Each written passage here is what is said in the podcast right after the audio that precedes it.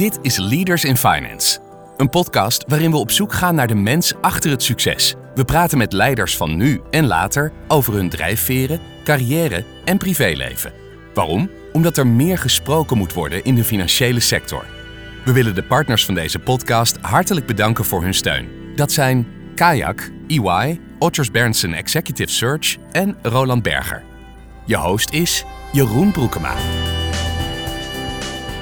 Welkom bij een extra aflevering van Leaders in Finance. Deze week met Roel Jansen, de auteur van het boek Gokkers en Graaiers. Financiële schandalen van de VOC tot de Zuidas. Welkom Roel. Dankjewel. Leuk dat je de tijd neemt en leuk dat je hier in Driebergen met mij aan tafel zit om over dit, dit boek te spreken, wat uh, vorige week is uitgekomen. Klopt, ja. En jij mocht het aanbieden aan Klaas Knot. Ja, de president van de Nederlandse Bank, die was uh, bereid om het eerste exemplaar te ontvangen. En dat was eigenlijk omdat hij zich expliciet heeft uitgesproken over de rol van uh, de eerste directieleden en eerste commissarissen van de Nederlandse Bank, het begin van de 19e eeuw, die nauw betrokken blijken te zijn bij, geweest bij uh, de financiering van slavernijplantages in Suriname, het Caribisch gebied en zo. Dat was eigenlijk niet bekend. En uh, Knot heeft opdracht gegeven om dat eens te onderzoeken. En toen dat onderzoek uitkwam begin dit jaar, heeft hij daar echt ruiterlijk van gezegd van nou, dit is eigenlijk een schande, een schandvlek op de reputatie van de Nederlandse bank. En dat vond ik een aanleiding, of ook wel een hele goede reden, uh, om hem te vragen, wil je het eerste exemplaar van het boek ontvangen? Want in het boek komen die zaken aan de orde. In twee hoofdstukken gaat het expliciet over de manier hoe Nederlandse bankiers en ook directieleden van de Nederlandse bank slavernijplantages hebben gefinancierd. Ik kan me voorstellen dat het voor hem toch ook best, best nog wel spannend is, dit onderwerp als president van de Nederlandse Bank met dit verleden. Het is niet het meest mooie stuk geschiedenis van Nederland. Nee, absoluut niet. En ik, daarom vond ik het ook bewonderenswaardig van hem. Dat, uh, daar heb ik hem ook uh, tegen hem gezegd toen hij uh, vorige week op de redactievloer van de Follow the Money was. dat ik het zeer bewonder dat hij dat, dat hij dat gedaan heeft. En ook nog een keer herhaald heeft bij de Katie Coty herdenking in de zomer. Ja, nee, helder. Ik wil eens beginnen met een um, heel kleine quote te halen uit het boek. Helemaal aan het begin zeg jij, deze chroniek bevat geen conclusies, geen moralistische vermaningen, geen beleggingstips en ook geen voorspellingen van toekomstige financiële ontsporingen. Het zijn verhalen over Nederland als de Dagobert Duk van de wereld en als de trouwe bediende Joost van de Zuidas. Nou, er zit al heel veel in namelijk, want allereerst, uh, het zijn geen voorspellingen zeg je. Maar is dat eigenlijk zo? Want als ik dit boek lees, dan denk ik, dat is ongelooflijk herkenbaar tegenwoordig ook wel. Nou ja, de enige voorspelling is dat je zeker weet dat er nieuwe financiële schandalen zullen zijn. En overigens was dat ook grappig genoeg wat Klaas Knot zei. Hij zei van dit is een goed interessant boek omdat je het laat de hele historie zien van het verleden tot het heden over wat er aan schandalen is gebeurd en ook falend toezicht van de Nederlandse bank. En wij moeten daarop alert zijn, en, want dat zal in de toekomst ook weer blijven gebeuren. En uh, nou ja, dat vond ik wel mooi dat hij dat zo zei. Ja, dat is wel mooi. Dus het is eigenlijk geen voorspelling over hoe het precies zal gaan. Maar als je al deze verhalen leest, en we gaan er straks een paar uitpikken, dan kan je niet anders dan denken: wauw, dit gebeurt vandaag precies zo, maar we hebben er andere termen voor. Ja. En we noemen het nu short selling, of we noemen het nu um, corporate raiders. Of maar dat soort dingen komen allemaal terug in jouw boek. Ja. Dus wat dat betreft. Ja. Uh, ja. Nou ja, het interessante van het, van het, van het boek, ook toen ik het onderzoek ervoor deed, is dat uh, een aantal van die uh, financiële innovaties allemaal in Nederland zijn bedacht. Een groot aantal is al in Nederland bedacht. Short selling gebeurde voor het eerst in 1609. Uh, de eerste speculatieve bubbel was de tulpenbollegekte van 1637. Het eerste boek over, uh, over effectenbeurzen 1688. Nou ja, ga ze maar door. Dus er zijn heel veel dingen in Nederland uitgevonden, zou je kunnen zeggen, op financieel terrein.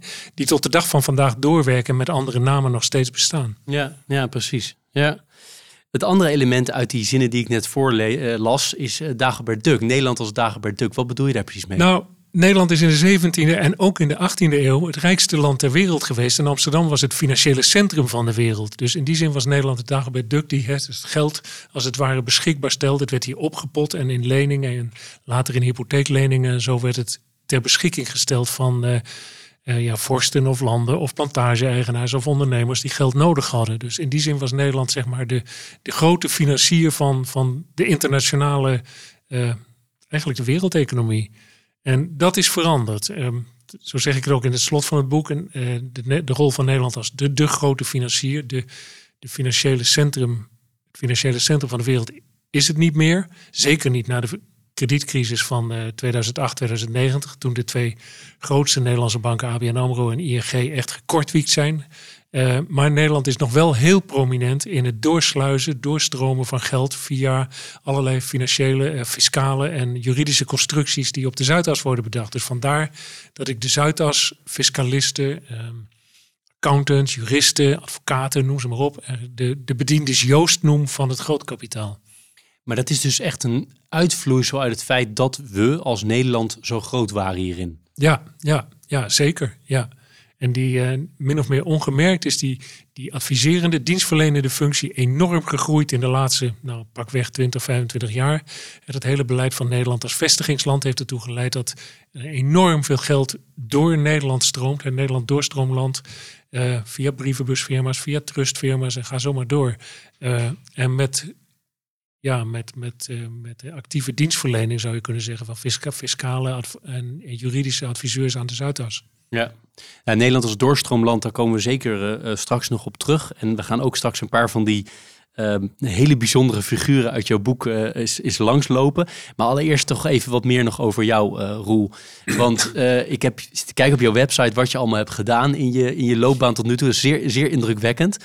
van een promotie die je hebt, hebt doorlopen tot 30 jaar journalist bij, bij, het, bij het NRC Handelsblad tot allerlei boeken die je hebt geschreven over onder andere ING. En uh, je bent zelf ook nog romanschrijver. Nou, noem ik maar een paar dingen. Mm -hmm. Zeezeiler. Mm -hmm. Ja, um, dat vooral, ja. Wat, wat, trekt jou even aan de zakelijke kant? Wat trekt jou zo erg aan die financieel-economische journalistiek? Nou, dat is, uh, de verklaring is vrij simpel. Ik was correspondent in Brazilië, in Zuid-Amerika, in de jaren dat daar de uh, schuldencrisis uitbrak. En dat was eigenlijk nieuw terrein voor mij. Daar had ik, um, dat, ja, dat, was allemaal het waren nieuwe dingen. Hè. Die landen gingen de een naar de ander failliet. Uh, Mexico, Brazilië, Argentinië, gaan ze maar door. En daar ben ik toen ingedoken en dat fascineerde me mateloos. Ik dacht van, wat is hier aan de hand? Hoe kan het dat landen onder hun schulden kunnen bezwijken? Hoe zit dat met de dollars? Hoe zit dat met, uh, nou ja, ga ze maar door. En uh, dat werd toen mijn onderwerp. En zoals het op het, toen ik terugkwam op de redactie van NRC, de economieredactie. Ja, als je twee stukken over iets geschreven hebt, ben je de expert. Dus dan mag je er verder over gaan. En uh, nou ja, zo heb ik me de zeg maar tientallen jaren daarmee bezig gehouden. Er kwam ook bij dat op een goed moment in Europa de plannen kwamen voor een Europese munt, hè, wat later de euro is geworden. er was eigenlijk niemand in geïnteresseerd om dat te doen op de redactie. Zeg ik, nou, dat lijkt mij wel wat, dat wil ik wel gaan doen. Dus ik ben daar ook ingedoken. En dat, ja, dan hetzelfde verhaal. Als je twee, drie keer over een onderwerp schrijft, dan ben je de specialist. En um, dat heb ik in een jaar of tien heb ik dat hele proces gevolgd. Uh, vandaar ook nauwe contacten met centrale banken, maar ook met ministeries van Financiën. Ga ze maar door. En ja, het is gewoon ontzettend interessant om je daarin te verdiepen. Als journalist, maar ook zeg maar iets van iets grotere afstand in uh, als ja, als schrijver. Is het zo interessant, uh, precies vanwege die, die uitgever die je nu hebt, Follow the Money? Is het daarom zo interessant om als je de money volgt dat je op hele interessante dingen komt? Het volgen van het geld, ja, zeker. En ook van hoe kan het dat er zulke grote schandalen zich hebben voorgedaan. En uh, nou, de, een van de bekendste die, uh, waar ik altijd door geïntrigeerd was, was, een, was ten eerste de, die, die tulpenbollen gekte van midden 17e eeuw. En de andere was de, die windhandel van 1720. Toen plotseling iedereen dacht van je moet een, een, een een bedrijf gefinancierd, of je moet, een, je moet een onderneming oprichten die gefinancierd wordt door aandelen en zo. Dat nam een enorme bloei. Het was allemaal niks, stelde niks voor en dat klapte ook weer in elkaar op eigenlijk twee eh, ondernemingen die toen opgericht zijn, die tot de dag van vandaag, of waarvan er nog maar één bestaat. Maar eh, ja, dat soort grote verhalen, dat trok me wel. Dus ik dacht, dat wil ik eens uitzoeken. En toen, ja, van lieverlee kom je dan van de een op het andere en zo werd het er steeds meer. Want je hebt het niet klein aangepakt. Hè? Je bent echt helemaal teruggegaan in de geschiedenis all the way up eigenlijk naar mensen die passen binnen jouw concept van gokken en graaien tot aan de dag van vandaag. Ja, ja. En hoe maak je dan een keuze? Want er zijn er waarschijnlijk nog veel meer. Ja, er waren ongetwijfeld veel meer. En iedere keer um, kwam er ook iets op dat ik dacht van god, dat zou ik eigenlijk ook nog wel moeten doen. Maar ja, je moet je tot op zekere hoogte beperken. En met dit boek hebben we uh, in overleg met uh, de de, redactie van Follow the Money hebben echt expliciet gekozen van deze en deze, deze verhalen zijn interessant. We beginnen bij de VOC, wat zeg, zeg maar de, de bakermat is van het moderne financiële kapitalisme. Een onderneming gefinancierd door aandelenkapitaal. Nou, dan krijg je de effectenbeurs en dan krijg je de wisselbank. Allemaal begin van de 17e eeuw. Dus dat is een mooi startpunt. En dat hebben we doorgetrokken tot aan 2022. Die rol van de Zuidas eh, als fiscaal en juridisch adviseur van grote ondernemingen, multinationals, maar ook Russische oligarchen en eh, ongetwijfeld ook drugscriminelen. ja, en gokkers en graaiers. Moeilijke vraag misschien, maar wat vind je nou echt voor jou is nou echt de grootste gokker of de grootste graaier als je naar dit boek kijkt? Wie, wie komt dan als eerst bij je op? Nou, die titel heb ik ter- samen met mijn eh, zeil- en schrijfvriend eh, Twan Heijmans eh, bedachten we af- afgelopen zomer op, op onze zeilboot. Terwijl we aan het zeilen waren in Bretagne. Dus dan heb je de beste ideeën. Want we zaten een beetje te worstelen met een goede titel. Maar Gokkers en Graaiers kwam er uiteindelijk uit.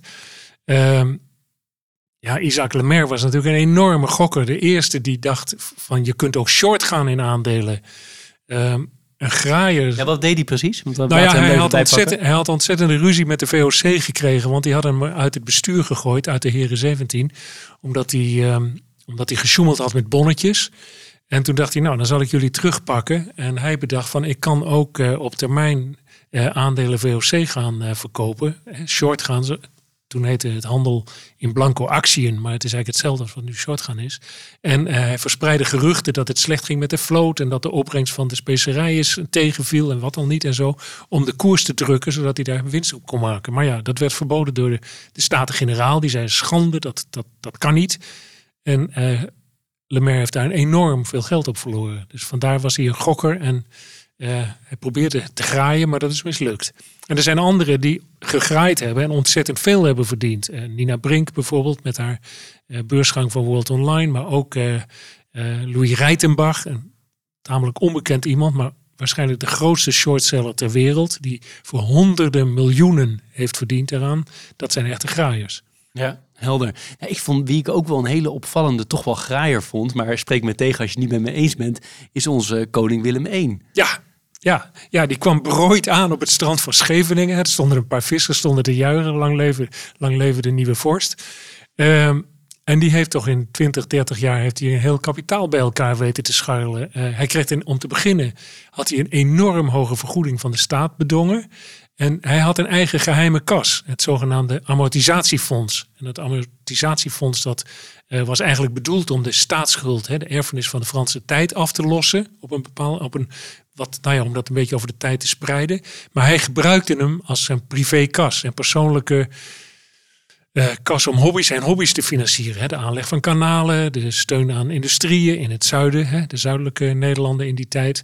En ehm, niemand had er enig zicht op. Het was buiten de controle van het kabinet, de regering in die tijd. En het was ook buiten de controle van het parlement. En ehm, ja, eh, hij maakte zichzelf bovendien nog, dat was ook wel, is ook wel interessant, hij, hij, hij was mede-aandeelhouder in de bedrijven die hij oprichtte.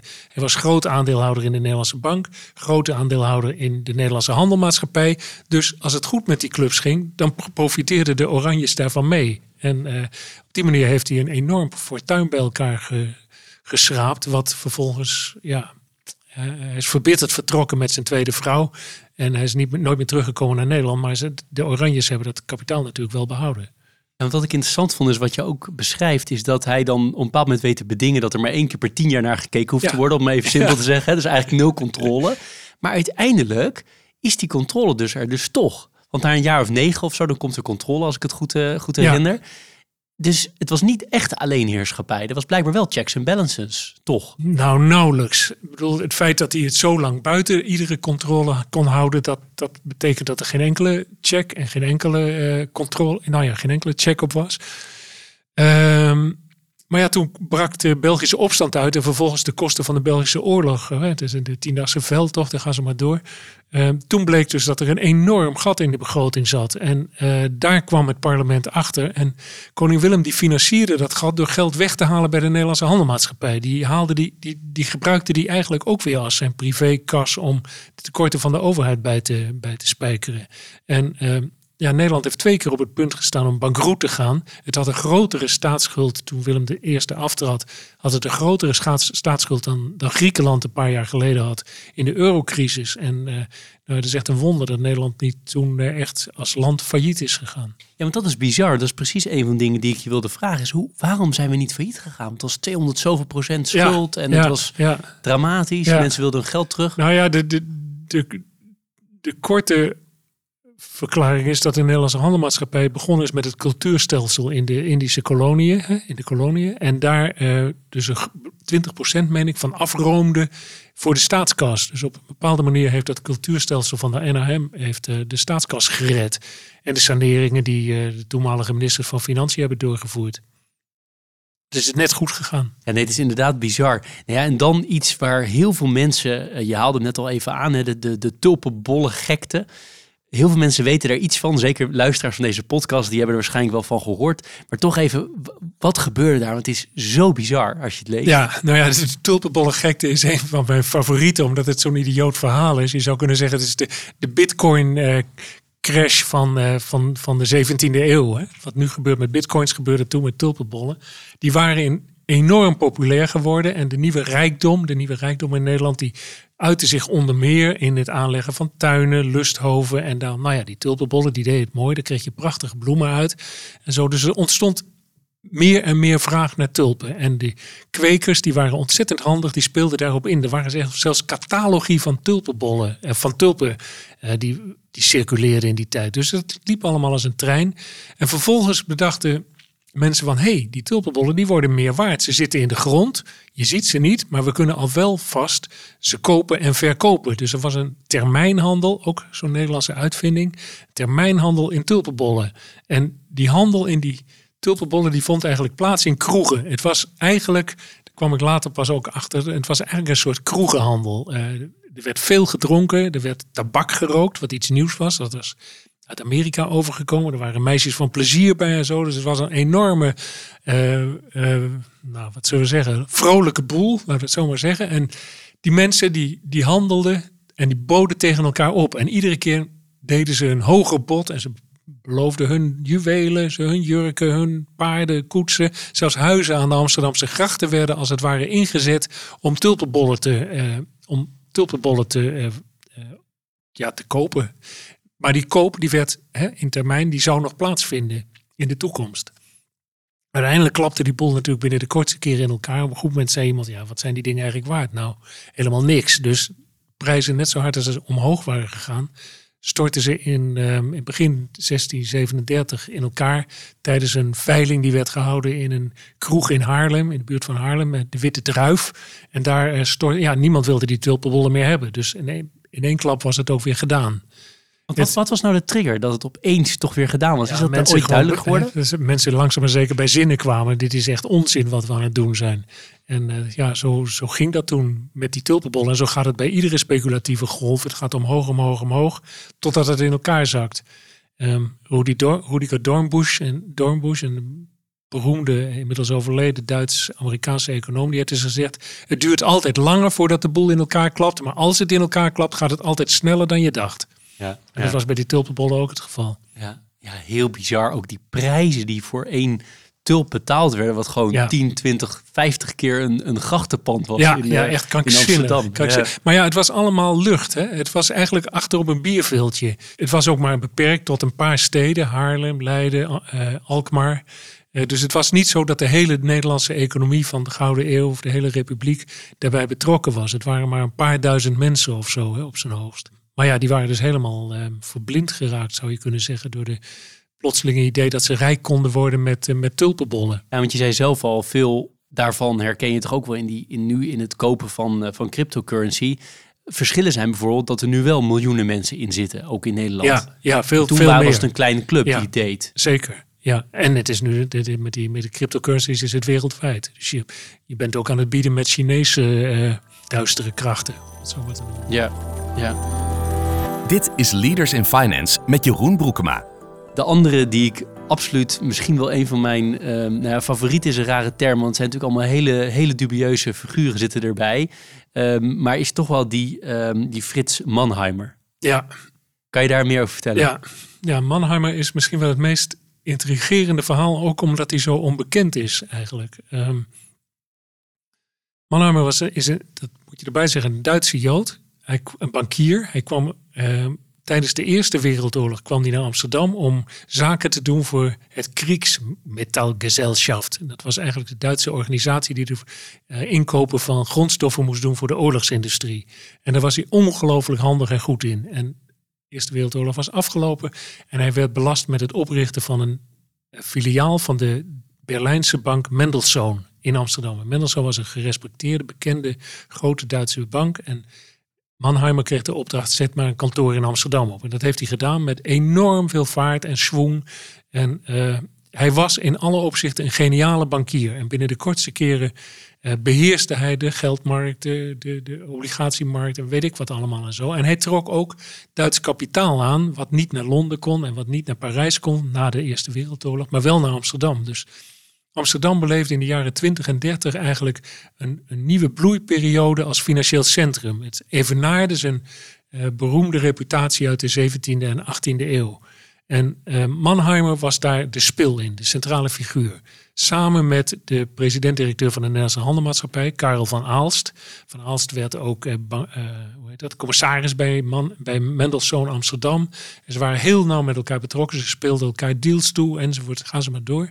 En dat was ongelooflijk succesvol. Uh, met name in, in uh, valutatransacties en obligatiehandel en zo was Mannheimer echt ja, uh, heel, heel erg belangrijk in die Amsterdamse financiële wereld tussen de Eerste en Tweede Wereldoorlog. Um, hij had een paar hele wonderlijke ja, hobby's, zou je kunnen zeggen. Hij was bezeten van uh, kunst. En in die twintig jaar dat hij in Amsterdam uh, die bank uh, Mendelssohn leidde, gebruikte die Mendelssohn eigenlijk als zijn kassa om kunst aan te kopen. En hij had op een goed moment had hij de grootste particuliere kunstcollectie van Nederland verzameld. In zijn villa in Amsterdam aan het Museumplein. Die in de Amsterdamse Volksmond al heel snel de Villa Protsky werd genoemd. En uh, daar had hij dus een gigantische kunstverzameling uh, bij elkaar gebracht. Die hij gefinancierd had met leningen of met geld dat hij ontrokken had aan zijn eigen bank. Dus ja, dat kon natuurlijk van geen meter. En hij was ook ongelooflijk opzichtig in zijn rijkdom etaleren. Ja, hij woonde dus op het Museumplein en zijn bank was aan de Herengracht. Nou ja, je kunt dat in tien minuten lopen, denk ik. Maar hij liet zich dan met een, in, met een Rolls Royce met vergulde ornamenten liet hij zich daar naartoe rijden. En hij, in het Amsterdamse uitgaanscircuit liet hij zich zien met opzichtig geklede, dure, en met, van dure juwelen uh, voorziene vrouwen. Uh, allemaal een beetje in, ging dat in tegen de, de protestantse, Calvinistische ethos van Amsterdamse bankiers. Maar goed, dat, um, ja... Ja, want waarom? Hij, hij, hij, wel, hij deed dus even wat dingen opzommen. Hij kwam uit het buitenland, hij kwam uit Duitsland, die een bepaalde reputatie had na de Eerste Wereldoorlog. Hij was van Joodse afkomst. Hij uh, had allemaal vrouwen. Hij was opzichtig met geld. Hij was nou ja, allemaal wat, denk ik, veel mensen toch heel moeilijk vonden. En toch ging dat goed blijkbaar in de zin van, goed tussen aanhalingstekens, maar hij kreeg heel veel voor elkaar wat hij wilde. Ja, nou ja, Mendelssohn groeide uit tot de vijfde bank van Nederland in de kortst mogelijke tijd. Dus hij kreeg heel, inderdaad heel veel. Dat komt door die, door die rugdekking van Van Aalst onder andere? Of dat, dat en zijn eigen genialiteit, denk ik. Ik denk dat hij, dat kan niet anders dan dat hij een hele slimme, hele goede bankier was. Maar ja, kijk, dat, zijn Joodse afkomst, dat speelde hem ook wel parten. Hij heeft het een en ander gedaan aan Joodse filantropie in zijn, in zijn jaren in, in Amsterdam. Maar toen hij het Nederlanderschap aanvroeg, wat volstrekt voor de hand lag in de jaren dertig. Gezien de nazi's in Duitsland en de, het, het, antisemitisme. Nou ja, de, de, kristalnacht, ga ze maar door. Alle vreselijke dingen die daar gebeurden. Was er veel verzet en ook waren er bezwaren, ook politieke bezwaren, om hem dat Nederlanderschap te geven. Dus er zat zeker iets van antisemitisme ook in Nederland achter van nou die man, maar die moeten we een beetje op afstand houden. Het loopt bijzonder slecht met hem af. Maar dat moeten mensen denk ik maar in het boek lezen. Of ga jij het, ga jij het verklappen hier? nou ja, um, op het laatst was hij was heel ongezond. Hij leefde denk ik ook heel ongezond. Hij had zich op het laatst van een, uh, een verzorgster uh, voorzien. Of hoe moet je dat noemen? Hij had een verzorgster aangetrokken, een hele jonge vrouw. Um, 21 jaar, hij was zelf 49 inmiddels. Hij is met die vrouw getrouwd. Die dacht dat ze een schatrijke man trouwde, maar dat was eigenlijk helemaal niet zo. Um, want alles was op de pof, op krediet van zijn eigen bank gekocht. En... Um, om zijn schulden weg te werken probeerde hij hem nog in het jaar 1939, een paar weken voor het uitbreken van de, Eerste Tweede Wereldoorlog, probeerde hij uh, een aantal grote Franse obligaties in de markt te zetten. Om Frankrijk geld te. Frankrijk had geld nodig voor de herbewapening. En dat is allemaal mislukt. Toen heeft hij zich teruggetrokken op zijn buitenverblijf in, uh, in de buurt van Parijs, in Vaucresson. En uh, ja, daar is hij in elkaar gestort s'avonds. hartaanval, mogelijk, misschien zelfmoord, mogelijk. Niemand die het precies weet. Maar um, ja, hij liet dus een failliete bank achter. De dag, na, de dag van zijn begrafenis werd de bank failliet verklaard, Mendelssohn. En uh, hij liet een gigantische kunstcollectie achter die nog, gek genoeg, tot vorig jaar, tot 2021 is er nog, uh, is er nog mee van doen geweest. Ja, bizar. Bizar verhaal. Maar dat moet je inderdaad maar lezen, ja, nee, het is, te veel om uit te leggen. om te lezen. Je hebt het ongelooflijk mooi opgeschreven. Dus moeten, moeten mensen zeker doen. Uh, wil ik toch nog een paar aanhalen, want ik ga ze niet allemaal behandelen. Maar ze zijn allemaal zo, allemaal zo interessant. Uh, Pinkofs. Ja, Rotterdam. veel van mijn verhalen spelen zich vanzelfsprekend af in Amsterdam. Omdat hè, Amsterdam toch het financiële centrum was en daar de meeste bankiers zaten. Pinkhoffs is een Rotterdammer. Um, en Pinkhoff heeft furoren gemaakt aan het eind van de 19e eeuw in Rotterdam. Hij is eigenlijk de man geweest die de sprong over de Nieuwe Maas heeft gemaakt naar Rotterdam-Zuid. Hij heeft bedacht, uh, gek genoeg, omdat er petroleumolie in Amerika was ontdekt. Hij dacht van ja, dat is onveilig als je dat in Rotterdam op de kades gaat zetten. Dan kan de hele stad in de fik vliegen, bij wijze van spreken. Weet je wat, dan gaan we aan de Zuidoever doen, in Feyenoord. Er wat polders, wat drassige polders aan de Zuidoever. En eh, dankzij Pinkhofs is er een spoorbrug over de Nieuwe Maas gekomen. Is er een, uh, een, een, nou ja, zijn er brug over de Nieuwe, Nieuwe Maas gekomen. Is, dat, uh, is de Zuidoever van Rotterdam ontwikkeld. Daar heeft hij echt een centrale rol in gespeeld. En zijn eigen handelsfirma, de Afrikaanse Handelmaatschappij, waar hij handel mee dreef op de, moet ik even denken, de oostkust van Afrika, de Congo-rivier, Angola, dat gebied. Um, die bleek, ja, dat bleek eigenlijk één grote oplichterij te zijn. Er zat enorme schulden zaten daarin. En toen dat aan het licht kwam, uh, en die Afrikaanse handelmaatschappij ten onder ging, bleken allerlei prominente Rotterdamse bankiers en zakenlieden waren er nauw bij betrokken en die hebben enorme verliezen geleden, grote verliezen. En Pinkhofs is gevlucht. Hij is in de trein gestapt met zijn gezin, is gevlucht. Eerst naar, um, vergeet ik geloof naar Dover of naar Oostende. En vandaar overgestoken naar Engeland en met de boot naar Amerika. En hij was weg. Uh, heel Nederland stond op zijn kop. Schande, Pinkhofs is gevlucht. En die laat Nederland, Rotterdam achter met enorme schulden. En uh, hij is nooit meer teruggekomen. Wat ik bizar vind, is een van de grootste fraudes. Hè? Want hij heeft zwaar lopen, want dat, dat, volgens mij noemde hij dat nog niet eens. Maar hij heeft enorm lopen frauderen met die boekhouding. Ja, het was echt boekhoudfraude. Het was echt boekhoudfraude. En uiteindelijk komt daar zelfs dan het eerste accountantskantoor, geloof ik. Moret, uh, Moret heeft toen gedacht van, we moeten de boekhouding beter controleren van firma's en van bedrijven. En dat is inderdaad het begin geweest van Moret. Later Moret en Limberg. En ik weet niet waar ze nu helemaal zijn uitgekomen. Maar AI geloof ik hè. Ik, ik denk EY, ja, dat denk ik ook, maar dat weet ik niet zeker. En, en dan nog een saillant detail wat jij beschrijft, wat ik ook wel mooi vond en me bijgebleven is. Dan zit hij dus in New York, begint hij weer een klein uh, handeltje. En dan komen daar dan ook nog Nederlanders langs, die dan daar zijn en die hem dan uitschelden. En uiteindelijk verhuist hij dan naar Chicago, als ja, goed Ja, dan zit hij in de sigarettenhandel en zo. Dat wordt helemaal niks meer. En hij is ook straatarm, hij is straatarm overleden. Nou, ik had toch die later wel twee laatste te behandelen. Uh, Johanna Borski. Omdat het een vrouw is, omdat ze... Um, gewoon een keiharde zakenvrouw was. Volgens mij, als, als weduwe van, met een enorm vermogen. De Nederlandse bank red, de Nederlandse handelsmaatschappij red. Ja. Hoe, hoe kwam dit allemaal zo? Ja, Johanna Boski is een intrigerende persoon. Ze is jarenlang op het voetstuk uh, gezet of gehezen, hoe moet je het noemen. Ze stond jarenlang op het voetstuk omdat ze de redder van de Nederlandse bank is, is geweest. Uh, dat is ook wel een interessant verhaal. Um, haar man Willem Borski die was rijk geworden in de Franse tijd. Met name omdat hij zoveel contacten met Hope en Co. had. En hij meelifte als het ware met het uh, wereldsucces van Hope en Co. in de eind van de 18e en begin van de 19e eeuw. Uh, was Willem Borski echt schat en schatrijk geworden. Uh, hij overleed vrij plotseling. En Johanna Borski, zijn weduwe, die nam de zaak van hem over. Dus het werd ook de weduwe Johanna Borski, werd de firma genoemd. En ze erfde ook zijn vermogen, zijn kapitaal.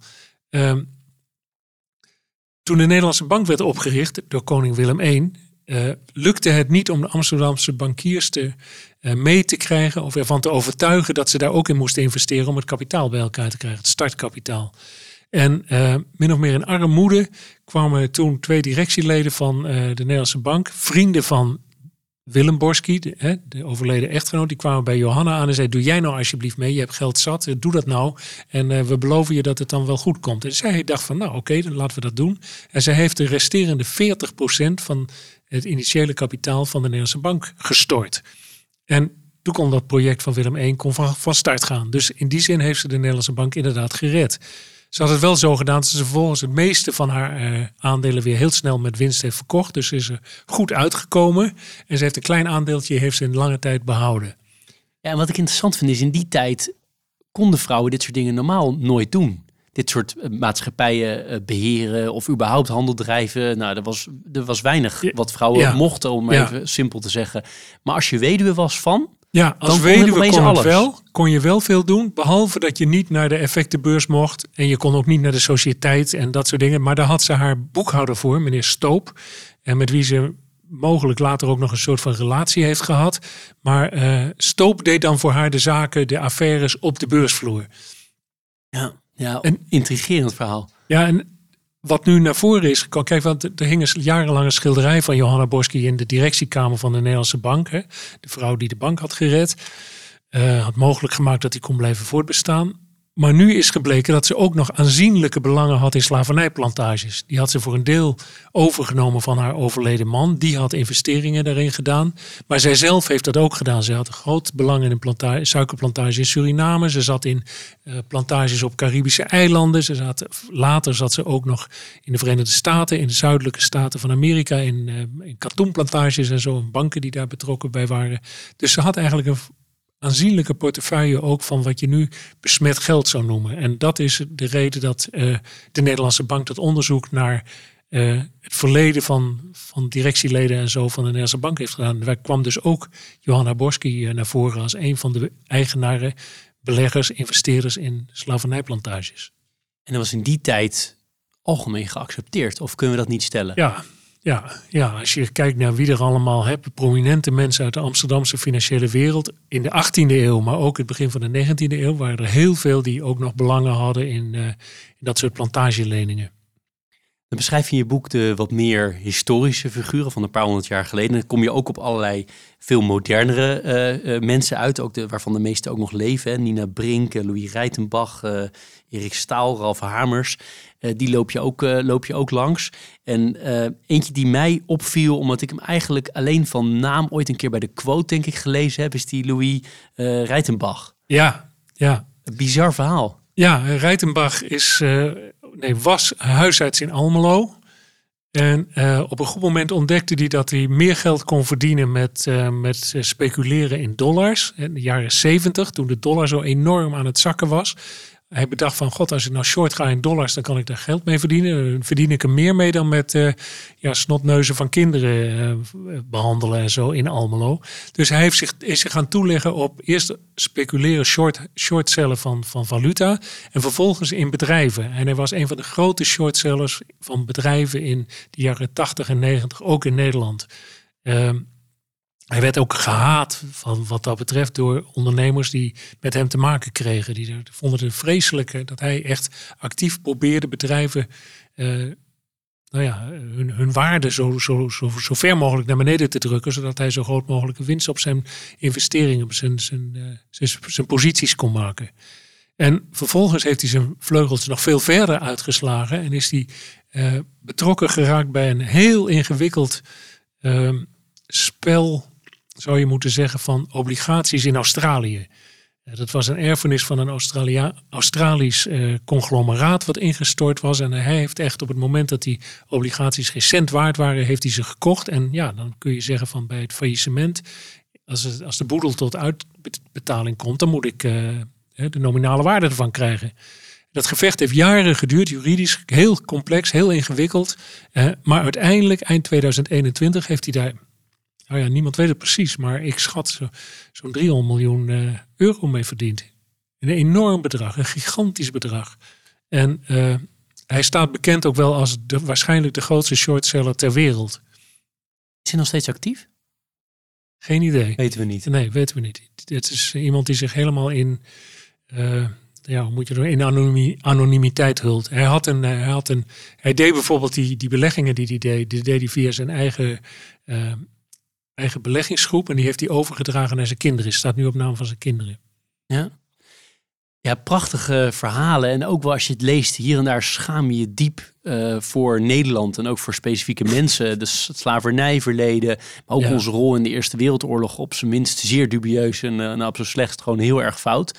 En wat mij opviel als we dan even uitzoomen is dat Nederland wel heel erg bereid is geweest altijd, misschien nog steeds, we kunnen het over hebben, dat als er veel geld verdiend kan worden, dat we doen. Ja, ja, nou, als je het over het slavernijverleden hebt. Uh, in, het midden van de 18e eeuw heeft een Amsterdamse bankier bedacht dat je verhandelbare uh, leningen met hypotheken als onderpand in de markt kon zetten en kon verkopen aan beleggers. Uh, dat was een wereldsucces. Het, heette, het werd toen negociaties genoemd. Dus ja, negoties, handel. Hè.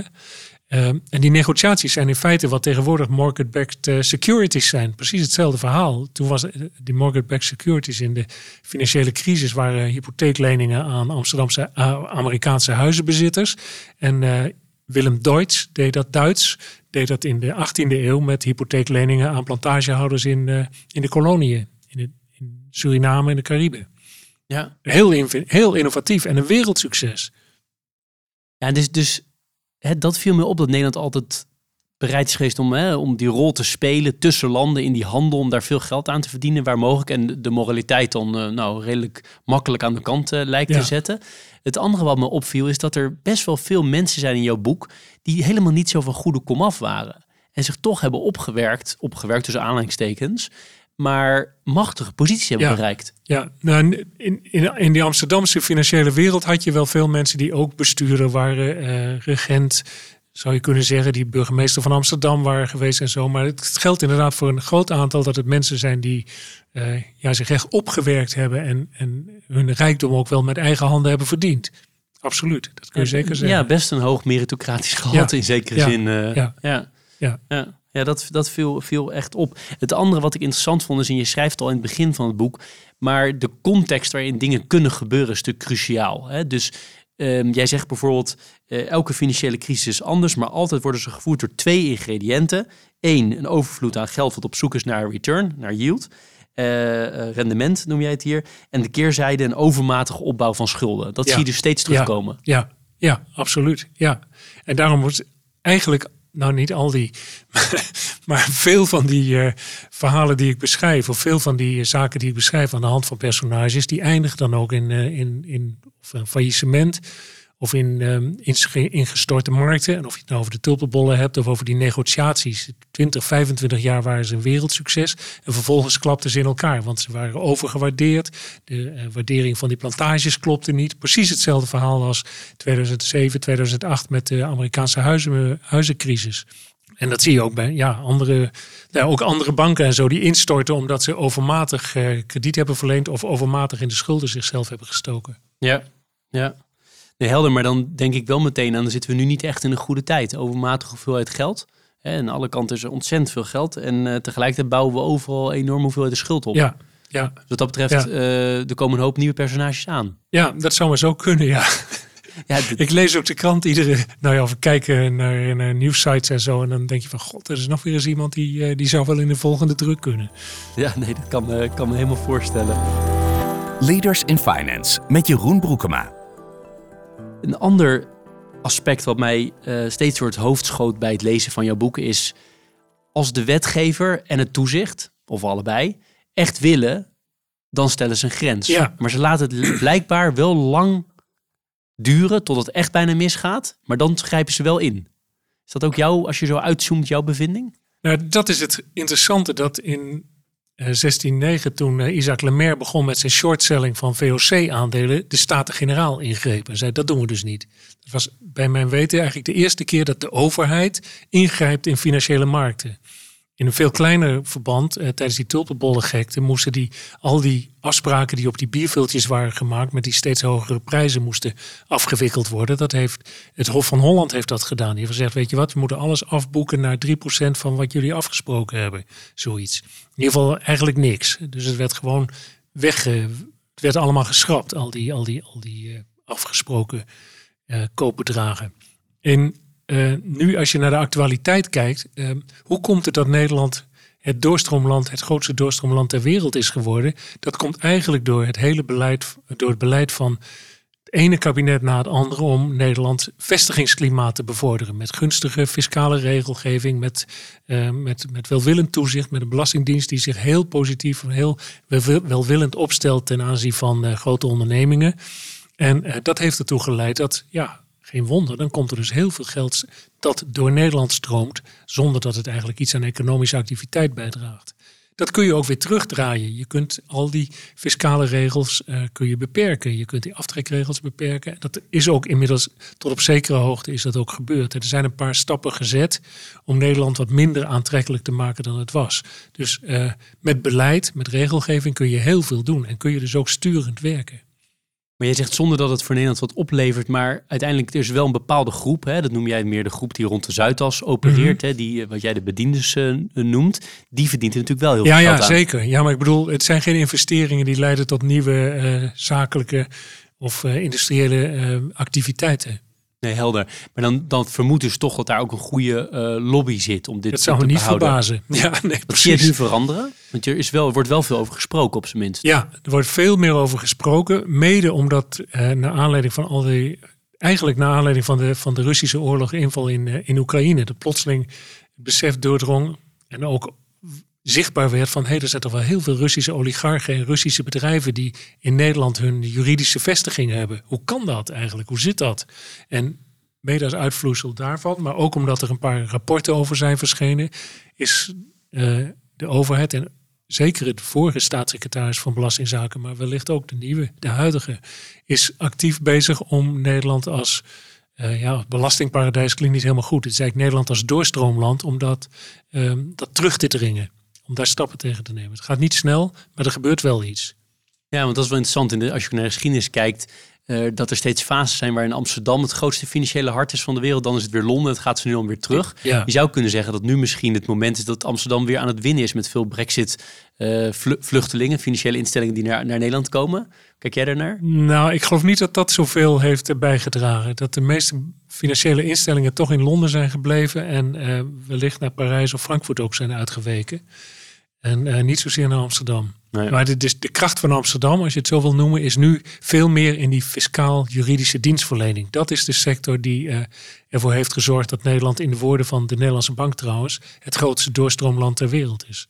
Ja, het is ongekend hoeveelheid geld wat hier doorheen loopt, hè? Ja, ja 4700 miljard euro. Ja, dus vele malen meer dan ons, ons uh, jaarlijkse GDP. Ja, ik, ik moet even heel snel rekenen. Ik denk vijf, zes keer zoveel. Ja, ja. ja, ja. ja, Maar ja, dat zit dus allemaal in, of allemaal, het allergrootste deel zit in brievenbusfirma's die niemand in dienst hebben. Die alleen maar bestaan uit een uh, registratie bij de Kamer van Koophandel. Maar je bent denk ik best verbaasd dus dat daar niks, zo lang niks aan gedaan is. Slash misschien niks aan nou, gebeurt. Dit, dit, is, dat, dit is typisch een onderwerp waarvan ik denk, achteraf denk van als journalist hadden we, als wij journalisten hadden dat eh, beter in de gaten moeten hebben. Het is eigenlijk, het gebeurt onder je ogen zonder dat je het ziet. En dat is met, met, die, met die enorme expansie van, uh, van, die, uh, van die doorstroomfirma's is dat zeker het geval. Er is vorig jaar een rapport over verschenen van een commissie die was ingesteld om dat eens uit te zoeken. En de Nederlandse Bank heeft dit jaar dat rapport gemaakt over doorstroomland, waar ze zelf zeggen van Nederland is het grootste doorstroomland ter wereld. En um, daarin proef je ook een toon van, nou, dat vinden we eigenlijk helemaal niet zo prettig. We vinden dat helemaal niet zo, uh, niet zo fantastisch. ik denk ook een van de redenen waarom het zo lang niet is aangepakt. A, omdat er natuurlijk belang bij is. Uh, dus mm -hmm. belang bij voor sommige partijen. Maar B, ook omdat de schade die ermee wordt aangericht natuurlijk niet zozeer in Nederland is. Maar vaak in landen buiten, nou ja, in de niet zulke rijke delen van de wereld. Precies, dat klopt. Uh, schade zou je kunnen zeggen, ja, Nederland heeft... Uh, de belastingopbrengst is heel beperkt die je ervan krijgt. Voor de schatkist levert het niet zoveel op.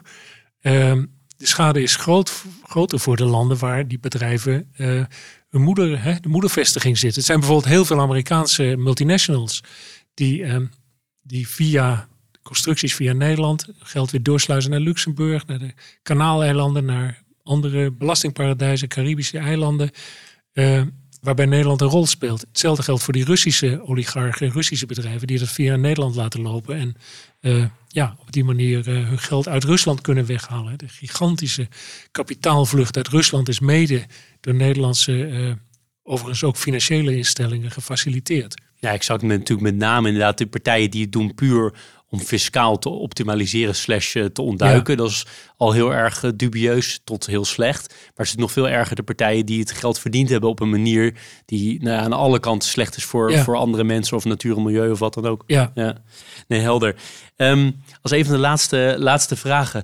Als je naar al jouw personages, zoals ik ze noem, uh, kijkt, loopt eigenlijk niet zo heel goed af met de meeste, met bijna allemaal niet. Nee, dat is dat toevallig? of heb je ze daarom gekozen? Of is dat gewoon toch wel mooi dat het niet goed afloopt met mensen die niet het beste voor hebben? Soms had ik het gevoel van, god, wat zijn het toch een schurken? En wat hebben ze echt vreselijke dingen gedaan? En zijn ze er goed mee weggekomen? En bij anderen denk je, ach god, het was eigenlijk ook wel zielig. En het is ook wel treurig afgelopen met ze. Um, en mensen die, uh, nou, we noemden net Pinkoffs, die als een soort uh, sigaretten verkoper nog een paar jaar geprobeerd heeft zijn hoofd boven water te houden in, uh, in Brooklyn.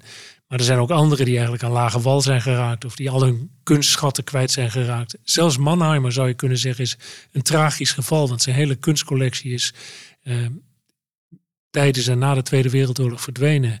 Uh, ja, ehm, wonderlijk figuur in het uit het jaar van de windmaatschappijen 1720. Robert Hennebo, die alleen nog maar bekend is omdat hij een lofdicht op de Jenever heeft geschreven. Uh, zo zijn, ja, het is met veel mensen niet goed afgelopen. Nee, nee, het is ergens ook toch ook een soort van prettig, zou ik zeggen. Dat als je de zaak, en dat geldt niet voor allemaal hoor, in dit boek. Want er zitten ook mensen bij die gewoon onderdeel zijn van een, van een financiële crisis of een heel... En er zitten ook een heleboel bij die gewoon hardcore crimineel waren. En ja, dat is toch ook ergens wel fijn dat het niet goed met ze afloopt. Nou ja, dat hardcore crimineel is wel heel ver. Gaat nou ja, wel heel dus, ver. Als je de boeken helemaal oplicht bijvoorbeeld, ja, okay, die we net bespraken. dat is toch wel of als fout. je eigenlijk uh, beursfraude pleegt zoals uh, Nina Brink, waarvan het mij eerlijk gezegd verbaasd heeft dat het Openbaar Ministerie de zaak tegen haar geseponeerd heeft. Uh, ja, dat... nou ja, goed, maar die is goed, weg, die is er goed mee weggekomen. We zullen zien, uh, vooralsnog in ieder geval. Ja. Maar dat, uh, dat is weer een andere, ander punt. Uh, tot slot, jij, jij eindigt het boek, en ik zal het niet heel, heel specifiek maken, maar toch ook wel in mijn woorden met een oproep van als wetgever en als toezichthouder, als je wil, dan kan je ook echt wel veel doen. Ja, ja dat, is ook, dat lijkt me ook evident. Dat is duidelijk. En Nederland heeft een paar keer trouwens niet zoveel gedaan. En dan werd ze op de vingers getikt door Brussel, door de Europese Commissie. En die zei, jullie moeten veel harder optreden. Dus uh, wees blij dat we Brussel hebben om uh, Nederland ook nog bij de les te houden.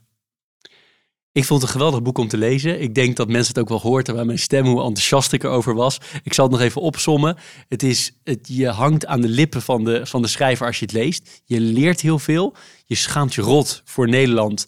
Je hebt soms te doen met de karakters. En meestal, ik in ieder geval, denk je, wat zijn het toch ook uh, voor, voor boefjes en, en inderdaad graaiers. Um, en wat ik heel interessant vond, is dat je constant in je hoofd de parallellen legt met de cases die nu spelen, die vandaag de dag spelen. Ja. Uh, of net hebben gespeeld, of nu zich zijn aan het, uh, nou ja, aan het ont ontpoppen. Um, en ik vind die laat, dat laatste een boek ook heel boeiend is. Dat je gaat nog beter gaat nadenken over die rol van die wetgever en die toezichthouder.